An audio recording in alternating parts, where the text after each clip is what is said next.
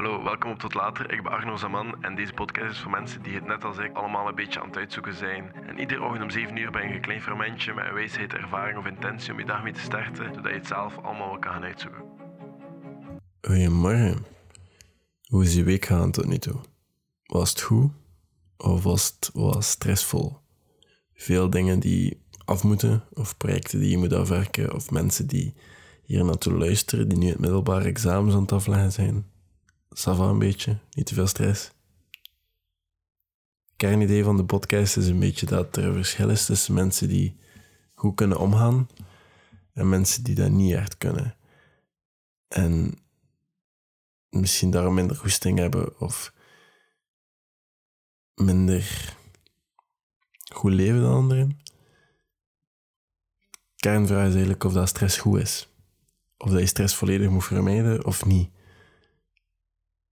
En kijk eens naar je vrienden, naar je familie. En kijk wie goed is in moeilijke situaties omzetten naar eens goed en daarmee omgaan. Ook al had het niet altijd hoe dat ze willen dat gaat. En wie is er niet zo goed in kritiek opvangen, of omgaan met obstakels in het algemeen. Ik heb ooit um, de vergelijking gelezen, ja ooit, vanochtend denk ik, of misschien gisteren, de vergelijking gelezen van Teflon-mensen en Velcro-mensen. Voor degenen die dat niet goed voor hen kunnen zien, Teflon is zo die witte plakband, of zo elk soort plakband dat eigenlijk heel makkelijk afhaalt of scheurt. Um, plakband dat je bijvoorbeeld gebruikt om je hout van je deuren of zo af te plakken als je je muur aan het verven bent. Plakband die er redelijk snel van gaat.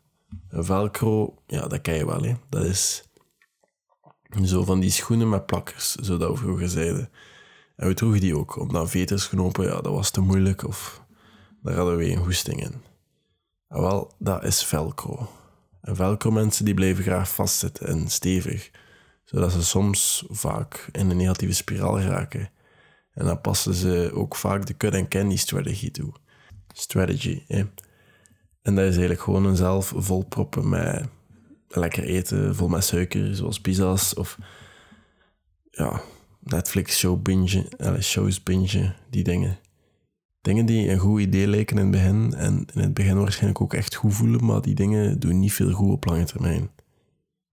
Deze groep heeft vaak ook problemen met hun gezondheid, hun fysieke gezondheid, hoe dat ze zich voelen. Teflon-mensen daarentegen, dat is, die zien er iets anders uit. Die maken plannen. Maar die blijven wel nog altijd flexibel, moest het nodig zijn. Ze blijven zichzelf betrekken in dingen die ze goed doen. En waar ze zich sterk doorvoelen en goed doorvoelen. Ze steunen ook anderen, maar ze doen gewoon heel veel. En dat is het geheim. Ze doen gewoon veel. Je moet je leven niet plots helemaal gaan veranderen om te kunnen beginnen leven. Hè. Het zijn de kleine dingen dat soms je vermoeit maken. Die onbetaalde rekeningen. De files. Dat zo te laat komen op afspraken of een te drukke agenda worden dat je zo soms gewoon niet anders kan dan je slaap tekort.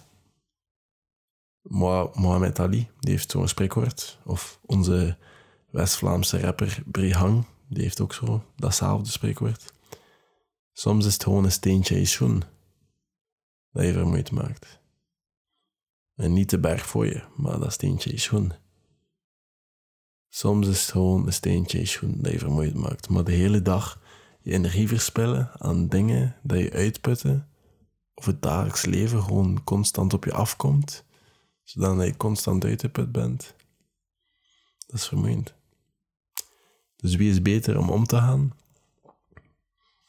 Ik wil dat duidelijk maken met drie aspecten: zelfstandigheid, zelfvertrouwen en herkenbaarheid. Er bestaat zo'n experiment van een of andere universiteit waar ze twee groepen muizen vergelijken. Eén groep uh, gaven ze gewoon Fruit Loops en de andere groep verstopte ze Fruit Loops in de bodem van een kooi. De ene groep moesten ze werken voor in de Fruit Loops en vervolgens gingen ze in de tweede ronde Fruit Loops geven in een glazen bal aan beide groepen. Dus ja, de eerste groep die had moeten werken voor in de Fruit Loops. En ja, die moesten graven. Hè. En die kreeg dan in de tweede ronde een glazen bal. Die werkte nog veel harder dan die groep die dat gewoon kreeg. Want die waren zo... Ja, na drie pogingen gaf, gaf die andere groep het op. En zo zie je dat, dat... By the way, ik moet ietsje stiller praten in deze podcast. Omdat eh, in deze kamer is er nu iemand aan het slapen. Waardoor ik... Eh, ja, een beetje stiller ben. Dus moest het lijken alsof ik aan het fluisteren ben, wat ik eigenlijk niet aan het doen ben. Maar ehm, dat is daarom. Want vandaag was gewoon een immens drukke dag. Ik heb eh, een bed van Ikea in elkaar gestoken. En ik had heel veel te doen voor het project dat dan donderdag moet presenteren en dat moet af zijn. En ja, het was een, een dag waardoor ik nu pas een podcast kan opnemen. Het is heel laat. Uh, ik moet hierna nog een workoutje doen. het had een korte nacht worden. Maar soms gebeurt dat en ik ben graag bezig. Ik word er gelukkig van. Maar dus, hard werken is goed voor je. We zouden de hard werk dus niet moeten ontwijken. Maar we zouden eigenlijk moeten leren co-bestaan. Allee, coexist met hard werk en stress. Als dat Allee, als dat duidelijk genoeg is. Het betekent niet dat je stress moet vermijden in het algemeen, maar dat betekent wel dat er voor bepaalde stressers een tijd en plaats is waarin dat, dat goed is. Geef stress niet volledig op, want we genieten meer van werk als dat wat uitdagend is. Er is um, ook ooit een marketing gezien, er is zo'n bedrijf dat vroeger um, maaltijden, kant en klaar maaltijden. Maar dat was gewoon een poedertje. En je moest daar water bij doen of zo. Je moest dat in de oven doen. En dan was dat klaar en dat was eten. Maar dat verkocht niet, omdat mensen. Ze hadden niet de voldoening van. Ze verdienden zo dat gevoel van eten precies niet. En dat was zo precies, ja, dat voldoening dat ontbrak waardoor dat ze dat niet kochten. Maar toen dat, dat bedrijf één simpel verandering maakte, zoals een ei toevoegen aan de mix, dat de, dat de mensen zelf een ei moesten toevoegen aan de mix, dat zorgde ervoor dat ze wel gingen kopen. Mensen die willen iets uitdagender, maar nog altijd convenient. Maar het komt erop neer dat we graag werken voor dingen. Ook al lijkt dat niet zo logisch. Ik heb by the way ook nog een trucje om met moeilijke situaties om te gaan. En ik ga mezelf nu enorm tegenspreken. Want ik zeg altijd, blijf jezelf, no matter what. Maar als je even niet weet hoe je met bepaalde situaties moet dealen, kan je eens proberen om gewoon niet jezelf te zijn. Hoe raar dat ook klinkt. Wat als jou, jou zijn flipt als je op een hoogte staat? of jij die voor een grote groep mensen staat en moet spreken, dat gaat niet samen. En die situaties brengt jou zijn niet veel op. Tenzij dat je graag paniekaanvallen hebt. Je kan even doen alsof je iemand anders bent die wel heel graag, alleen graag presenteert. Misschien zelfs... Van mij doe je Oprah Winfrey na of zo, dat interesseert me niet maar gewoon iemand anders en je beslist om je gedrag te veranderen naar hoe die persoon zich zou gedragen. Je kiest die, tijdens mijn workouts bijvoorbeeld wat Wood Goggins doet. David Goggins, hoe zou die zich nu gedragen? Die zou er nog 50 extra doen. Dus wat doe ik? Ik doe er nog 50 extra. Hoe, hoe, tegensteken dat dat ook doet soms. Maar je kiest er bewust voor. En dat is iets wat heel veel mensen je niet zeggen. Maar dat is vaak het enige wat dat nodig is. Maar wie weet ben je plots heel goed in zulke dingen als dat mentale gewoon maar eens zo wegvallen.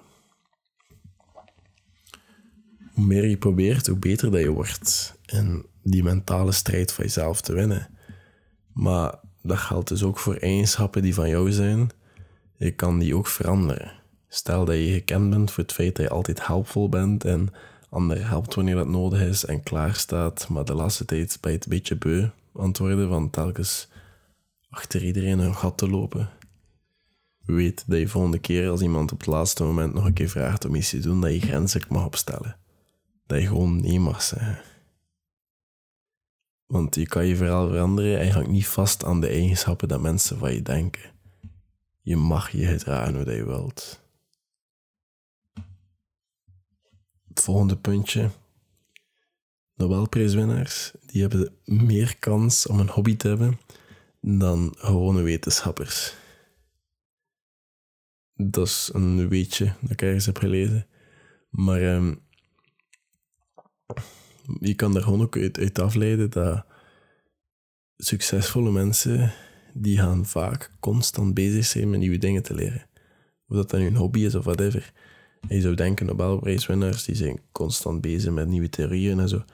Die doen daar buiten nog dingen, die willen hun brein activeren met andere factoren. Want door dingen te doen dat anders zijn, ga je ook andere dingen beginnen denken. En dat helpt soms om even out of die tunnel te gaan waarin hij zit. En ja, laat jezelf ook, los daarvan, laat jezelf toe om je slecht te voelen. Schrijf het op en denk na waarom dat je zo met dat ding, dat je daar zo hard mee zit, waarom dat je er zoveel stress over hebt of waarom dat je zo slecht voelt. En ga naar buiten en leer iets nieuw. Iets wat je, je doet nadenken. En je actief laat bezig zijn. Een nieuwe hobby of zo. Maar laat jezelf toe om, ja, iets nieuws te proberen. Geen nieuwe pagina volgen op social media of een nieuwe Netflix-show pintje. Die dingen tellen niet mee. Als je ooit al een paar uur bezig bent geweest met werken aan een project of bleef hangen in een bepaald creatief proces, dan heb je waarschijnlijk wel alles gehangen in de flow. Wanneer dat zo goed ging dat je niet eens besefte hoe laat het was. Dus goed die dingen zeker. Allee, die dingen moet je volhouden. Die dingen zijn goed voor je. Maar ja, dan heb ik nog een paar tips om wat beter vitaal te zijn en wat beter te leven en hoe je beter met stress kan omgaan. Maar dat zijn dingen dat ik al veel heb gezegd. Hè. Meer dan zes uur slapen, geen meldingen of gsm aanzetten, een uur voordat je naar je bed gaat. Rust, goede gewoontes dus. Maar het laatste wat ik erover wil zeggen is dat de maatschappij vaak zegt, en ik soms ook, doe dingen voor jezelf en kies jezelf eerst. Maar focussen op jezelf, ik dacht daar vandaag over, dat, dat zorgt ervoor dat je soms wat, wat minder voldaan bent. Tenzij dat je iets voor anderen doet. Kijk wat dat betekenis heeft voor jou en hoe je misschien anderen kan helpen. Je wilt liever iets voor anderen doen met betekenis dan puur voor jezelf. Als jij zwaar ziek bent of zwaar ziek wordt omdat je niet op je dieet wilt volgen, ga je nog altijd moeite hebben met dat dieet volgen om jezelf gezonder te maken, tenzij dat dat ervoor zorgt dat je meer tijd met je kleinzoontje kan doorbrengen. Moest je op die leeftijd zijn en een kleinzoontje hebben. Maar snap je wat ik bedoel? Je gaat veel harder werken als het voor iemand anders is, of als je er iets aan kan doen voor iemand anders en de wereld beter kan maken voor die andere persoon of zo. Kijk wat dat betekenis heeft en moet gewoon meer het positieve, positieve zien in dingen. En ja, je moet dat zien als een kans. Maar dat was het voor vandaag. Hoe je wat meer vitaliteit in je leven brengt, zo gezegd. Ja. By the way, als, als je zelf met een probleem zit, of je wilt mij een keer horen nadenken over een bepaald onderwerp, omdat we het allemaal iets zoeken, mag je mij altijd een mailtje sturen of Instagram DM en ik verlies soms wel het oog op DM's, maar ideeën zijn altijd welkom. Hè. Ik maak deze podcast voor jullie. Momenteel ben ik uh, wat zaken aan het lezen over psychologie, time management en uh, ik ben ook de autobiografie van Malcolm X vandaar begonnen, maar daar kan zeker nog iets bij. Ideeën zijn welkom. By the way, bedankt om te luisteren en ik zie jullie morgen. Tot later.